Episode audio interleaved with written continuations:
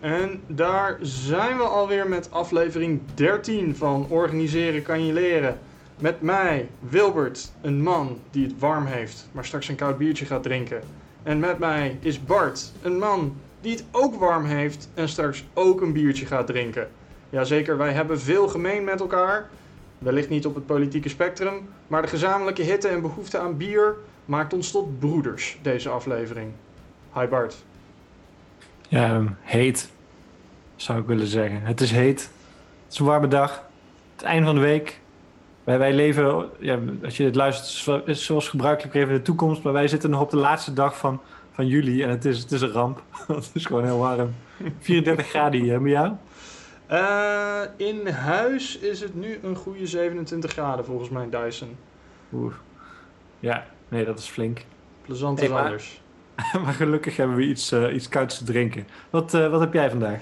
Uh, Bart, ik ben avontuurlijk aan het doen en ik heb een, ik heb een Amerikaans bier. Hey, weer de een, Freedom. Ja, een, een, een Kona van de Kona Brewing Company. Het is een, een Hanalei Island IPA. Bier okay. gebrouwen met passievrucht, sinaasappel, guava en andere natuurlijke, natuurlijke dingetjes. Ja, ja, ja. Een lekker fruitige IPA. En waar geniet jij van vandaag, Bart? Nou, in ieder geval uh, geen IPA. Ik, uh, ik heb hier een, uh, een Lindeboom Saison staan. Mm. Lindeboom. Weet je, ik, ik dacht dus dat, dat toen ik vandaag een beetje aan het... Nou, niet dat ik echt voorbereid voor wat wij hier doen, maar ik neem het bier wel serieus. Mm -hmm. dus, ik, dus ik was helemaal aan het opzoeken van, joh, die brouwerij, hoe zit dat nou eigenlijk? En ik dacht dus dat het Oranjeboom was.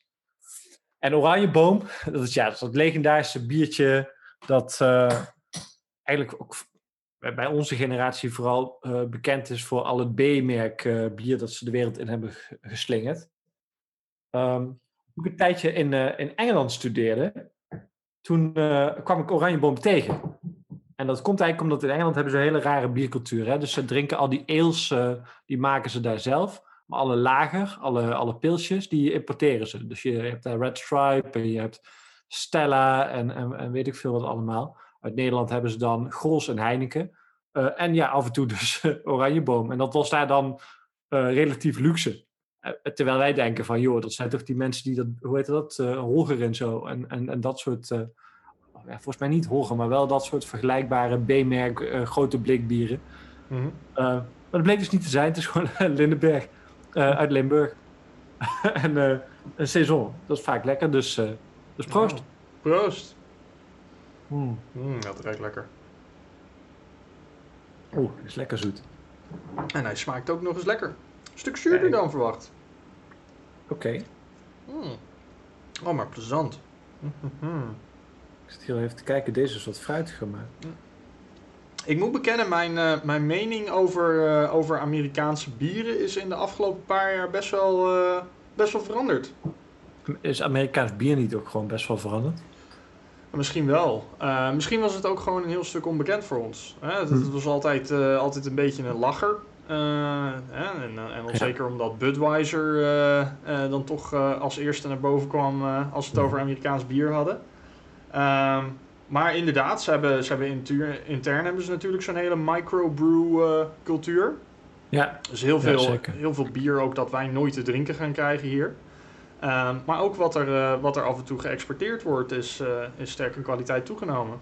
Is het nou eigenlijk ook zo dat wij eigenlijk die, die, die cultuur van die microbreweries een beetje hebben overgenomen? Je hebt in, in Nederland natuurlijk altijd al wel wat kleine brouwerijen gehad, maar zo, zo, zo hip als het tegenwoordig is, dat, dat was het natuurlijk lange tijd niet. Klopt, het zou best eens um, kunnen. Dus misschien een keer de moeite waard om, uh, om op te zoeken. Ja, misschien moeten ze een keer een bierexpert. Uh, maar ja, dan wordt het misschien iets te veel, veel bier hier. en iets te. Goed. Oh, tenzij we, het, tenzij we het over de Nederlandse bierindustrie hebben. Ja, dat zou nog wel eens kunnen. Ja. Sowieso, als wij dan toch een keer een gast weer hebben, dan is het misschien wel verstandig om het gewoon over bier te hebben. zeer zeker, zeer zeker. Dan. Uh, Oké, okay, um, ja, geen, uh, geen binnengekomen e-mails. Fijn. Um, dus, uh, dus van mijn kant uh, weinig te melden. Los van dat, dat onze bezoekers, of onze luisters, luisteraars, nemen nog altijd toe. heel mooi. En dat is mooi om te zien. Komt Eh, natuurlijk waarschijnlijk door die, door die eh, ja, spectaculaire website die we tegenwoordig hebben. Hoe is het met de website, Bart? Hoe staat het met Nou, onze bezoekersaantallen daar? Ja, dat gaat, gaat hartstikke goed. Wat, wat ook wel mooi is, ehm, on- onze website organiserenkanjeleren.com, eh, ja, die, is, die is in de lucht. En dat kunnen we van onze concurrent organiserenkanjeleren.nl in ieder geval niet meer zeggen. Ik weet niet wat er is gebeurd, maar hij is weg. dus eh, Legioen aan hackende fans heeft, eh, heeft Ja, hem uit de lucht gegooid. Daar ga ik wel vanuit. Maar, maar hoe het ook precies zit, ik weet niet. Misschien komt het ook wel weer terug. Hè, dat als je, als je dit luistert, dat je het wel weer kan bezoeken. Maar ik vind dit vooruitgang. Ik blijf ook even onderzoeken of wij dat nog kunnen overnemen. Ehm, nee, ja, dat, eh, dat helpt gewoon zo'n eh, zo'n spectaculaire website met ja, quotes van ons, eh, alle, alle verwijzingen naar boeken en stukjes en wat dan ook. Ehm, een kleine samen- samenvatting van wat we bespreken. Even goed teruglezen welk bier we nou ook eens weer dronken.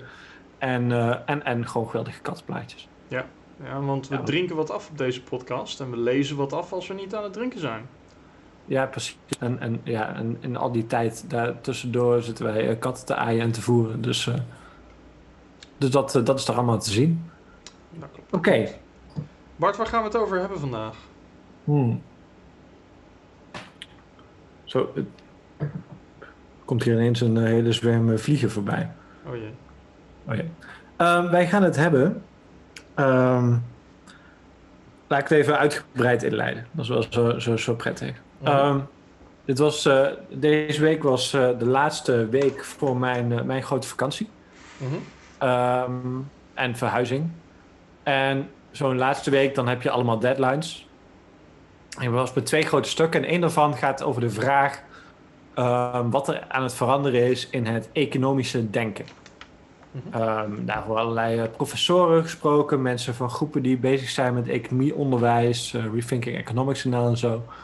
Ehm, en er is één aspect wat ik tegenkwam dat we al een klein beetje hebben besproken tijdens vorige afleveringen, maar wat, waarvan het mij wel interessant lijkt om er even wat dieper op in te duiken. Dat is eigenlijk de opkomst of de herwaardering van het idee dat eh, bedrijven wat weerbaarder moeten zijn en organisaties wat weerba- weerbaarder moeten zijn. Ehm, eh, resilience is dat dan in het, eh, in het, Mhm. eh, Engels. Nou ja, jij hebt jouw, jouw bedrijf vernoemd naar, naar dit, dit idee. Mhm. Ehm, dus ik, ik wilde je eigenlijk vragen van, joh, wat, wat merk jij nou ehm, in het veranderen van het denken over, over dit onderwerp? Ehm, en in hoeverre is dit nou iets wat eh, nu tijdelijk eventjes eh, hip zal zijn en daarna weer eh, wordt vergeten? Of is het iets wat blijft hangen? Of is dat gewoon nog helemaal onzeker? En om daar nog even een laatste ding aan toe te voegen. Iemand die ik sprak, die vertelde van ja, eigenlijk dat hele idee van, van weerbaarder hebben we tijdens de bankencrisis bijvoorbeeld ook best wel gehad. En toen hebben we het voor banken ook wel deels zo eh, eh, ingevoerd. Mhm. Eh, maar desondanks zijn we het voor de rest wel een beetje weer vergeten. Ja, dat is ongeveer wat, Ja. waar ik het een beetje over wilde hebben. ja, het verschilt van bedrijf tot bedrijf. Ehm, dat in ieder geval van wat ik in mijn persoonlijke sfeer meemaak. Ehm, en ehm, ja, waarom dat, waarom dat af en toe opkomt en dan weer niet. Eh, Kijk, weerbaarheid kost eh, geld. Gewoon eigenlijk, eigenlijk simpel als dat. Hè, een, eh, een consultiebedrijf waarmee ik werk, waar we het eerder een keer over gehad hebben, die, die zegt van joh, wij, wij houden genoeg liquide middelen op de bank om, om het minstens een jaar lang uit te kunnen zingen en gewoon iedereen normaal te blijven betalen, ook als er niks binnenkomt. Eh, ja, Ja. Dat is een heel weerbaar bedrijf runnen, maar dat is ook een hele hoop kapitaal waar je eigenlijk niks mee doet.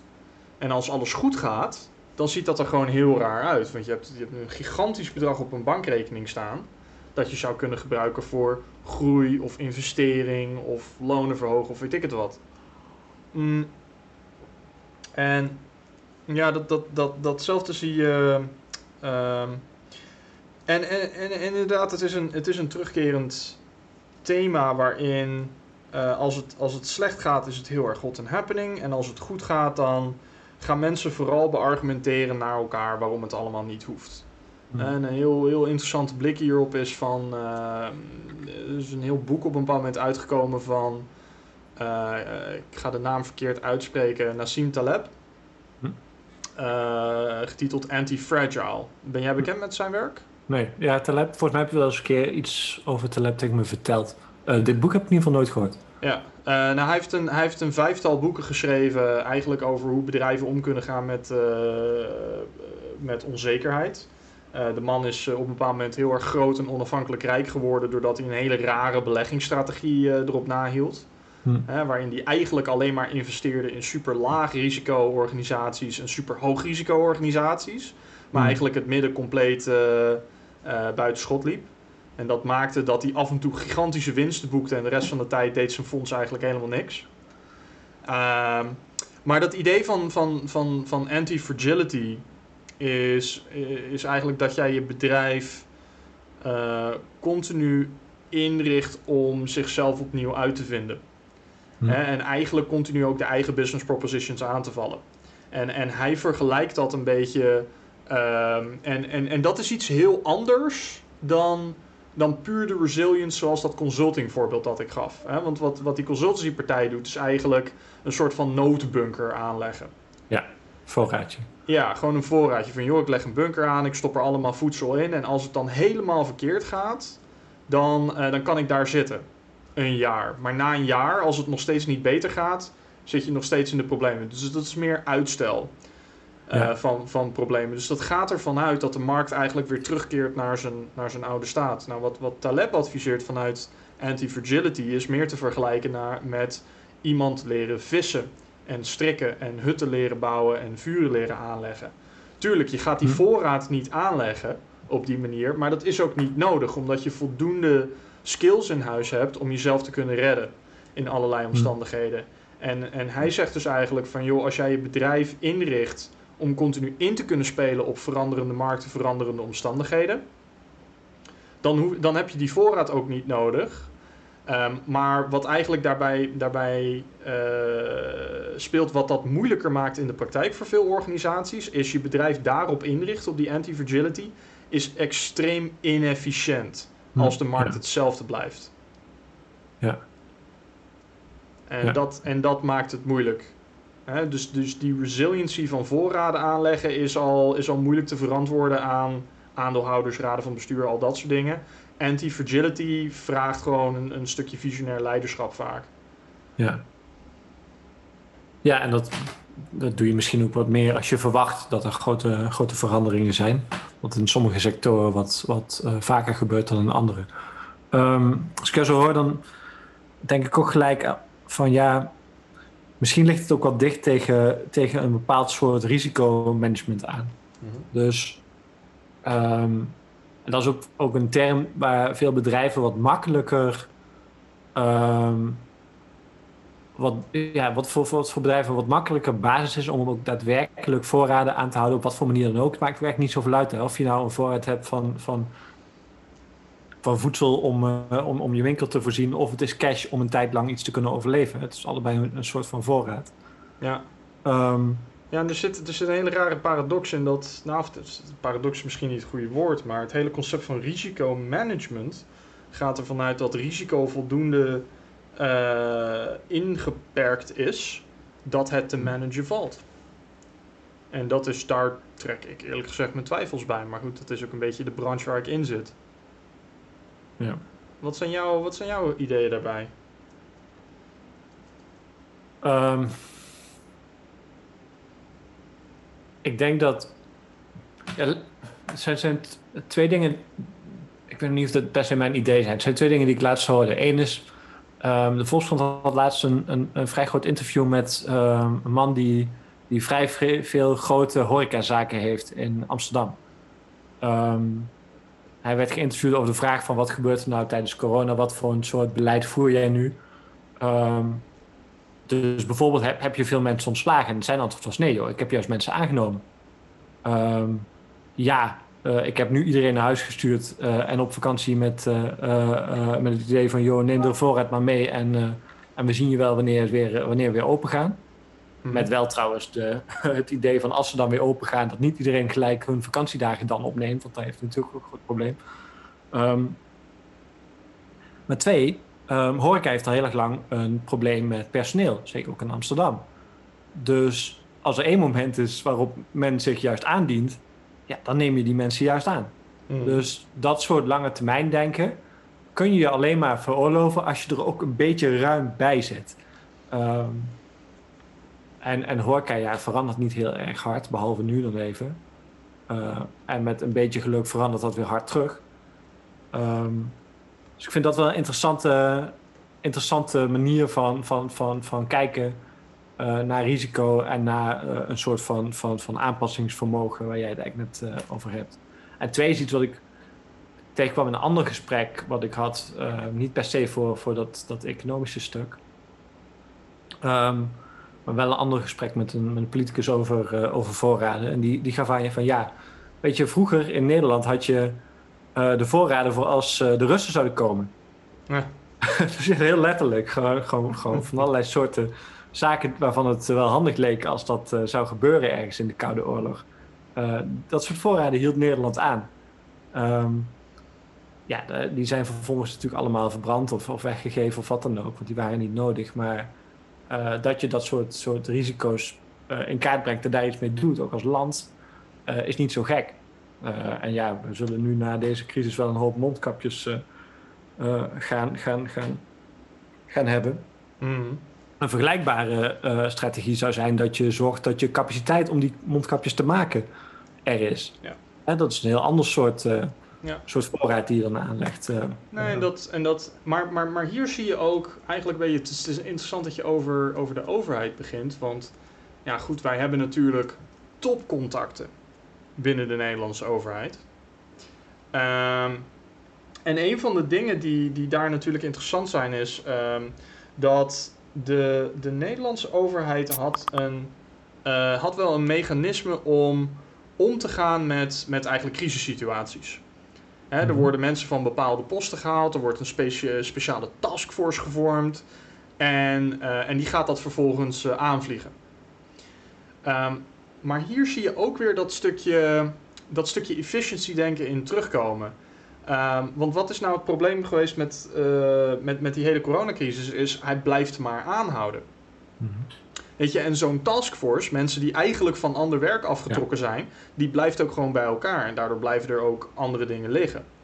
Nou ja, vanuit een, ehm, vanuit een, een, een, een, een, een resiliency perspectief, en zelfs een anti-fragile perspectief, zou je eigenlijk continu zo'n taskforce eh, willen hebben. Hè? Dus niet mensen die weggehaald worden van ander werk. Nee, je hebt een specifiek rampenteam dat eigenlijk het overgrote deel van de tijd wellicht niks doet. Maar op het moment dat de noodzaak er is, dat zij gelijk volledig aan de gang kunnen gaan omdat ze zich voorbereid hebben en omdat ze ook volledig toegewijd zijn daaraan, zonder dat dat ten koste gaat van de andere activiteiten die je hebt. Is dat, is dat resilient? Absoluut. Is dat efficiënt? Totaal niet. Want je hebt misschien gewoon een afdeling die 90% van de tijd helemaal niks doet. Eh, juist zodat ze er zijn voor die 10% dat ze echt absoluut nodig zijn. En daar, en daar zie je natuurlijk dat, dat, daar, dat daar vragen over gesteld worden, zeker als risico zich niet manifesteert. Ja, ik weet, dat, ik weet niet of ik het helemaal met je eens ben. Dat, dat, dat, is dat niet in zekere zin wat we al doen? Ehm, het lijkt mij namelijk totaal niet nuttig dat, dat zo'n, eh, eh, hoe heet hij, Van Dissel, eh, dat zo iemand ook in tijden van geen pandemie nergens anders mee bezig is dan met die, die eventuele pandemie. Puur om zijn kennis op, eh, op peil te houden. Ja, dat, dat zou je verwachten. En er, zijn, en, er zijn, en er zijn bepaalde organisaties die dat doen. Hè. Eh, eh, Amerikaanse leger staat bekend om zijn red teams. Nee, maar Wil, volgens mij, misschien, misschien leg ik het verkeerd uit. Ik bedoel juist, je wilt toch juist niet dat hij continu bezig is met dat team? Tuurlijk wel. Je wil dat hij dat hij continu aan het toetsen is op volgende rampscenario's. Eh, dat hij zijn team voorbereidt op allerlei soorten omstandigheden. Zodat op het moment dat een van die risico's zich manifesteert, dat er gewoon gelijk een team klaar ligt dat ongeveer al weet wat ze moeten doen. En dat, Ja. en dat continu testen heeft gerund op de bestaande infrastructuur. Nou, komen er, zijn er dan scenario's waar ze zich op voorbereid hebben die wellicht nooit gebeuren? Ja, maar dat is het probleem niet. Het probleem is als een scenario zich voordoet waar ze zich niet op voorbereid hebben. Deel, deels volg ik je hoor. Ehm, Mhm. En ik heb dit ook andere mensen horen zeggen, ook in de politiek, dat, ehm, dat je eigenlijk wil dat met name wetenschappers continu bezig zijn met het uitdenken van, joh, wat gebeurt er nou als dit, wat wij ons eigenlijk amper kunnen voorstellen, zich voordoet. Mhm. Ehm, en ik denk dat ik het deels eens ben met die analyse dat je dat, je dat eigenlijk nog meer zou willen. Tegelijkertijd denk ik dat dat iets is wat ook best wel veel al gebeurt. Eh, de vraag is alleen, ehm, van al die mensen die zich bijvoorbeeld bezighouden met wat zijn de economische gevolgen van een pandemie, of überhaupt de economische gevolgen van alles wat er kan gebeuren in de wereld. Mhm. Hoeveel van die mensen kun je nou plotsklaps van dat onderzoek afhalen en in zo'n team eh Ja, maar eh, als, Eh, als, of, of in als welke hun- mate. als hun werk sowieso al is om in dat team te zitten en dat werk te doen als onderdeel van dat teamwerk. Ja, maar dan moet je dus, ehm, omdat het om best wel veel specifieke verschillende zaken gaat, Ja. een heel erg groot team hebben waarin een paar mensen dan zich bezighouden met, met, met vrij extreme scenario's. Ja. Staart, eh, scenario's, staartrisico's. Precies dat. Ja, ik weet het niet. Het, het lijkt mij eh, zowel. Ja, ik zou het zo zeggen dat het praktischer is om op, op het moment dat iets zich voordoet, de relevante experts bij elkaar te roepen. Dat is precies wat er gebeurd is met die taskforce. Alleen op dat moment zijn al die relevante experts van andere dingen afgetrokken die nu blijven liggen. Ja, maar, maar is dat heel erg? Ik bedoel, we hebben het wel over een van de grootste crisissen Ik, eh, ik zeg dat het in ons helemaal. leven in ieder geval. Het, het, eh, kijk, het is belangrijker werk. Dat, dat ga ik niet met je beargumenteren. Aan de andere kant, ehm, je hebt nu misschien mensen die zich bezighielden met de volgende griepepidemie die binnenkwamen. Om te zorgen dat de vaccinatie en bestrijding daarvan geregeld was. Dat blijft nu gewoon liggen. Hm. Eh, je hebt misschien bepaalde economische hervormingsplannen. Die blijven liggen. Eh, gewoon omdat die mensen nu bezig zijn met andere dingen. Hè? Het optuigen van dat hele redsysteem van, eh, van ZZP'ers en dergelijke. Ehm, daar is ander werk voor blijven liggen. Nou, zeg, ik, zeg ik dat het onterecht was? Nee. Maar een, een, een overheid, hè, om- als we nu het voorbeeld van de overheid, een overheid die zich echt anti-fragile had opgesteld, die had en een noodteam dat eigenlijk klaar voor de aanslag stond, die dit soort scenario's al lang aan het uitdenken was en aan het toetsen was en dat soort dingen. En los daarvan mensen die zich in deze tijd nog steeds bezig zouden houden met al die andere dingen. In plaats van dat je nu mensen bij elkaar veegt uit verschillende functies. Ja. ja, ik denk dat we hier misschien toch, eh, ja, voor zover ik het kan overzien, wat, wat, wat ook, ook maar matig is, ik denk dat ik wat positiever hierover ben. Ehm, maar goed, misschien heb ik een paar mensen niet gesproken die jij wel hebt gesproken in deze hoge, hoge overheidskringen. Ehm, Ja, maar het, hetzelfde, hetzelfde bij veel, eh, veel organisaties. Die gaan er eigenlijk vanuit dat hun, dat hun branche wel blijft bestaan. Eh, en dat hun product wel blijft lopen. Eh, en op het moment dat de cijfers echt beginnen te kelderen, dan zie je dat een organisatie een groep mensen bij elkaar veegt om te denken over van, jong, wat, wat, zouden we, wat zouden we nu kunnen doen? laat, Hè? laat ik een maar ik maak hem even, ik maak hem even Ja. af. Wat je ziet bij organisaties die zich daadwerkelijk op die, op die, op die resiliency en, en anti-fragility ingesteld hebben, die zijn dat continu aan het doen. Die zijn zelfs aan het, aan het onderzoeken hoe ze hun bestaande business offerings omver kunnen werpen. Want als zij het niet doen, doet iemand anders dat wel. Hè, en, Ja, ik, ja. ik denk dat ik het voor met name bedrijven best wel met je eens ben. En eigenlijk voor vrij veel organisaties, eh, dat het idee dat de wereld niet hetzelfde blijft en dat je continu moet nadenken over wat gaat er veranderen en hoe gaan we daarmee omspringen, Mhm. helemaal mee eens. Ehm, maar ik denk dat ik in dit geval een ander soort vergelijking zou maken, dat is met de brandweer. Mhm. Voor mij is het volstrekt logisch dat je tegelijkertijd met een soort van, van, van een bepaalde pool van brandweermensen die, die eh, zo'n 24 uur dienst draaien om te zorgen dat er gewoon altijd mensen beschikbaar zijn voor in ieder geval de kleine branden en nog een hoop oproep voor wat grotere branden. Mhm. Dat een deel van die mensen ook bezig is met gewoon de, de brandcontrolechecks. Eh wederom, normaal als er wat kleine branden zijn, gaan die gewoon door. Is er een wat grotere brand, of, of eh, vliegt er ergens een vliegtuig in een flatgebouw, ja, dan is het iedereen eh, erbij. Eh, maar om continu iedereen paraat te hebben staan voor het, voor het, het, het scenario waarin dat vliegtuig in, in die flat vliegt, Hmm. dat lijkt mij ja, onzinnig. Nou, uh, het is interessant dat je dat zegt, want ik, ik, heb, ik heb in het verleden wat onderzoek gedaan bij de, bij de brandweer. Um, maar die, die inspecteurs is een aparte tak. Mm -hmm.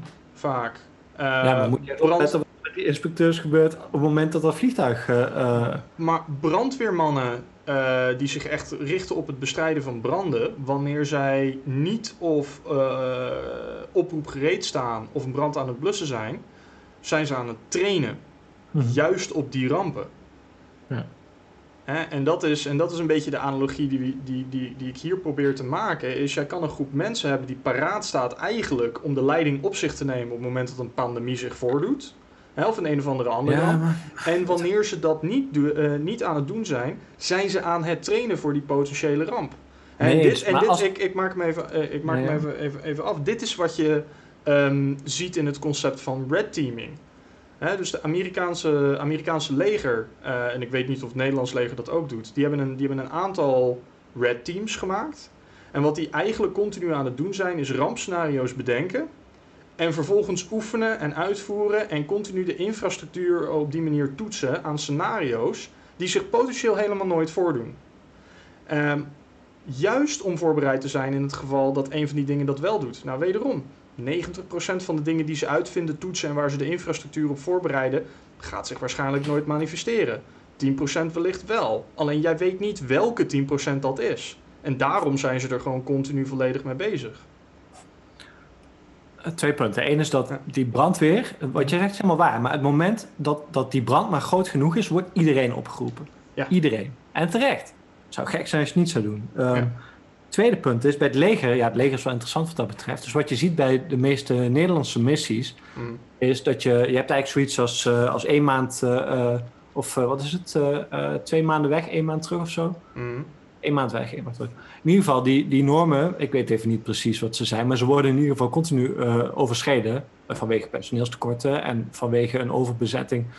of eigenlijk een, een, een te grote vraag vanuit de politiek Mm. eh, aan het leger van, van doe mee met deze missie, deze missie, deze missie. Dus dat zag je bijvoorbeeld bij de Patriots in, eh, in, in Turkije, dat, dat ja, die groepen, die mensen die kwamen, ondanks dat het, dat het een redelijk onspectaculaire missie bleek uit, Ja. eh, uiteindelijk, Mm. eh, ik geloof dat ze een paar keer wat hebben afgeschoten, maar meestal niet. Ehm, is die bezetting wel veel groter geweest dan dat je eigenlijk zou verwachten. Mm. Maar ja, stel je voor dat nu de Russen zouden binnenvallen, of weet ik veel, de Amerikanen, als we, als we iets, iets geks doen bij het, Ja. Het, eh, het, eh, het Hof in, in Den Haag.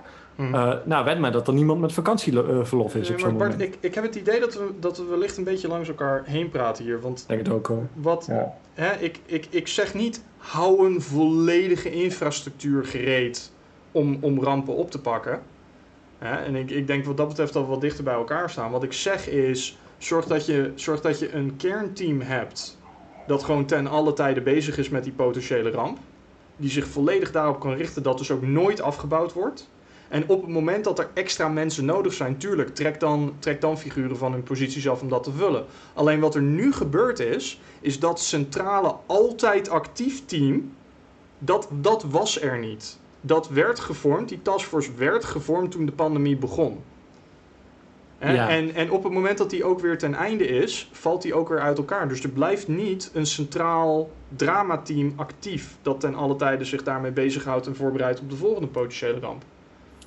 Ik denk dat, dat hier net het verschil zit. Ik, maar hier, hiervoor weet ik te weinig van, van het huidige crisisteam. Mijn indruk is dat dat, dat, dat deels dus wel bestaat uit vaste mensen. En deels uit mensen die specifiek voor deze eh, pandemie worden ingevlogen. En, en dan zie ik het toch wel een beetje als de Russen komen of de Amerikanen of wie dan ook vallen.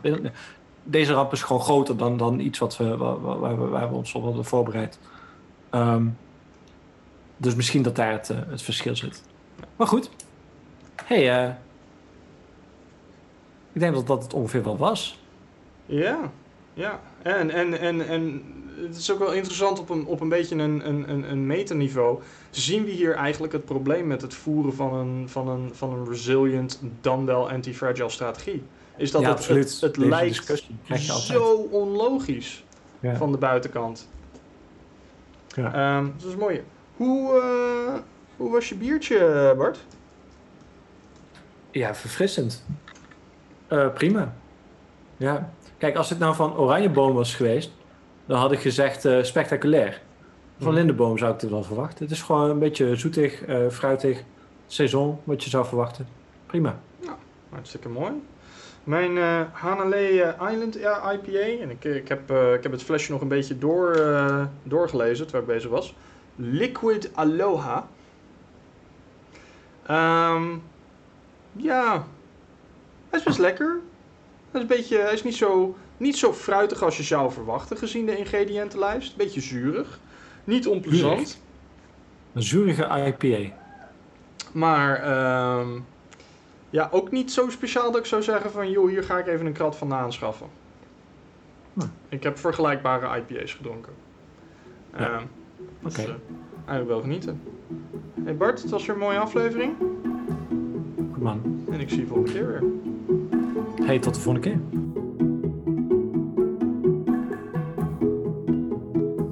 Dank jullie wel voor het luisteren van deze aflevering van Organiseren kan je leren. Mocht je vragen hebben over of commentaar hebben op hetgene wat we besproken hebben deze aflevering, of een suggestie hebben over wat we kunnen bespreken in een volgende aflevering, dan kan je ons bereiken op organiseren.pm.me. Dank jullie wel en tot de volgende.